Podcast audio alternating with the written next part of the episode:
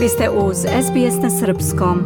Povodom dvogodišnjice sukoba u Ukrajini u centru Evropske unije u Beogradu upriličena je izložba fotografija koje prikazuju humanitarnu pomoć koju su Srbija i Evropska unija uputile Ukrajini kako bi se ublažile posledice rata. Postavku čine 22 fotografije većeg formata. Vlada Srbije je 2022. godine kao pomoć Ukrajini izdvojila oko 98 miliona dinara, a 2023. oko 118 miliona dinara. Takođe, uputila je donaciju 3 miliona evra za pomoć deci i raseljenim licima unutar i van Ukrajine, donirala je dva sanitetska vozila u vrednosti od 300.000 evra, kao i elektroenergetsku opremu od izuzetnog značaja za podršku ukrajinskom elektroenergetskom sektoru. Srbija je poslala i 14 kamiona pomoći za ukrajinski narod, a to su lekovi, filteri za vodu, ćebad i sve drugo što je mogla da nabavi. Primjerka Ana Brnabić je, govorići na otvaranju izlužbe, istakla da Ukrajina može da računa na pomoć i podršku Srbije. Zatim je kazala.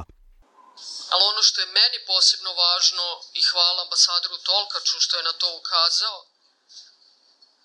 a to je da smo mogli da ugostimo decu iz Ukrajine, njihove male, mlade sportiste, futbalere i da im otvorimo našu zemlju i naša srca da provedu ovde i dve i tri nedelje i mesec dana i ne samo da treniraju i ne samo da imaju psihološku pomoć i podršku, savetovanje i bilo koji drugi vid podrške kojim je bio potreban u tom trenutku, već zaista da vide prijatelje i da budu među prijateljima i da znaju da su tu, ti prijatelji tu za njih.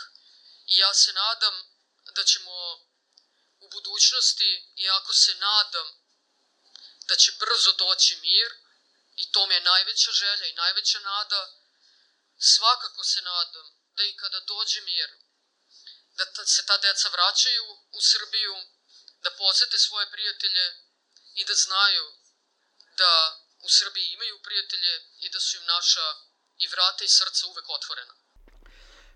Šef delegacije Evropske unije u Srbiji, Emanuele Žiofre, je rekao da je Ukrajina dobila status zemlje kandidata da su započeti pregovori i da se sada radi na pregovaračkom okviru za Ukrajinu, a to je, kako kaže, deo šireg zamaha koji je podstaknut ratom koje je pokrenula Rusija.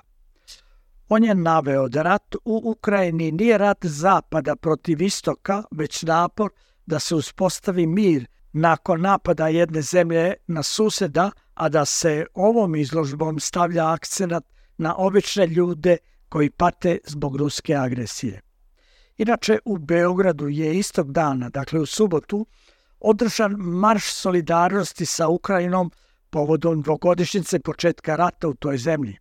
Među učesnicima koji su prošetali od Pionirskog parka do Trga Republike bili su predstavnici diplomatskog kora, uključujući i ambasadora Ukrajine u Srbiji Voldomira Tolkača, kao i predstavnici ukrajinske zajednice – Među ambasadorima su bili i šef delegacije EU u Srbiji, ambasadori Izrela, Švedske, Nemačke i drugih zemalja koje podržavaju Ukrajinu.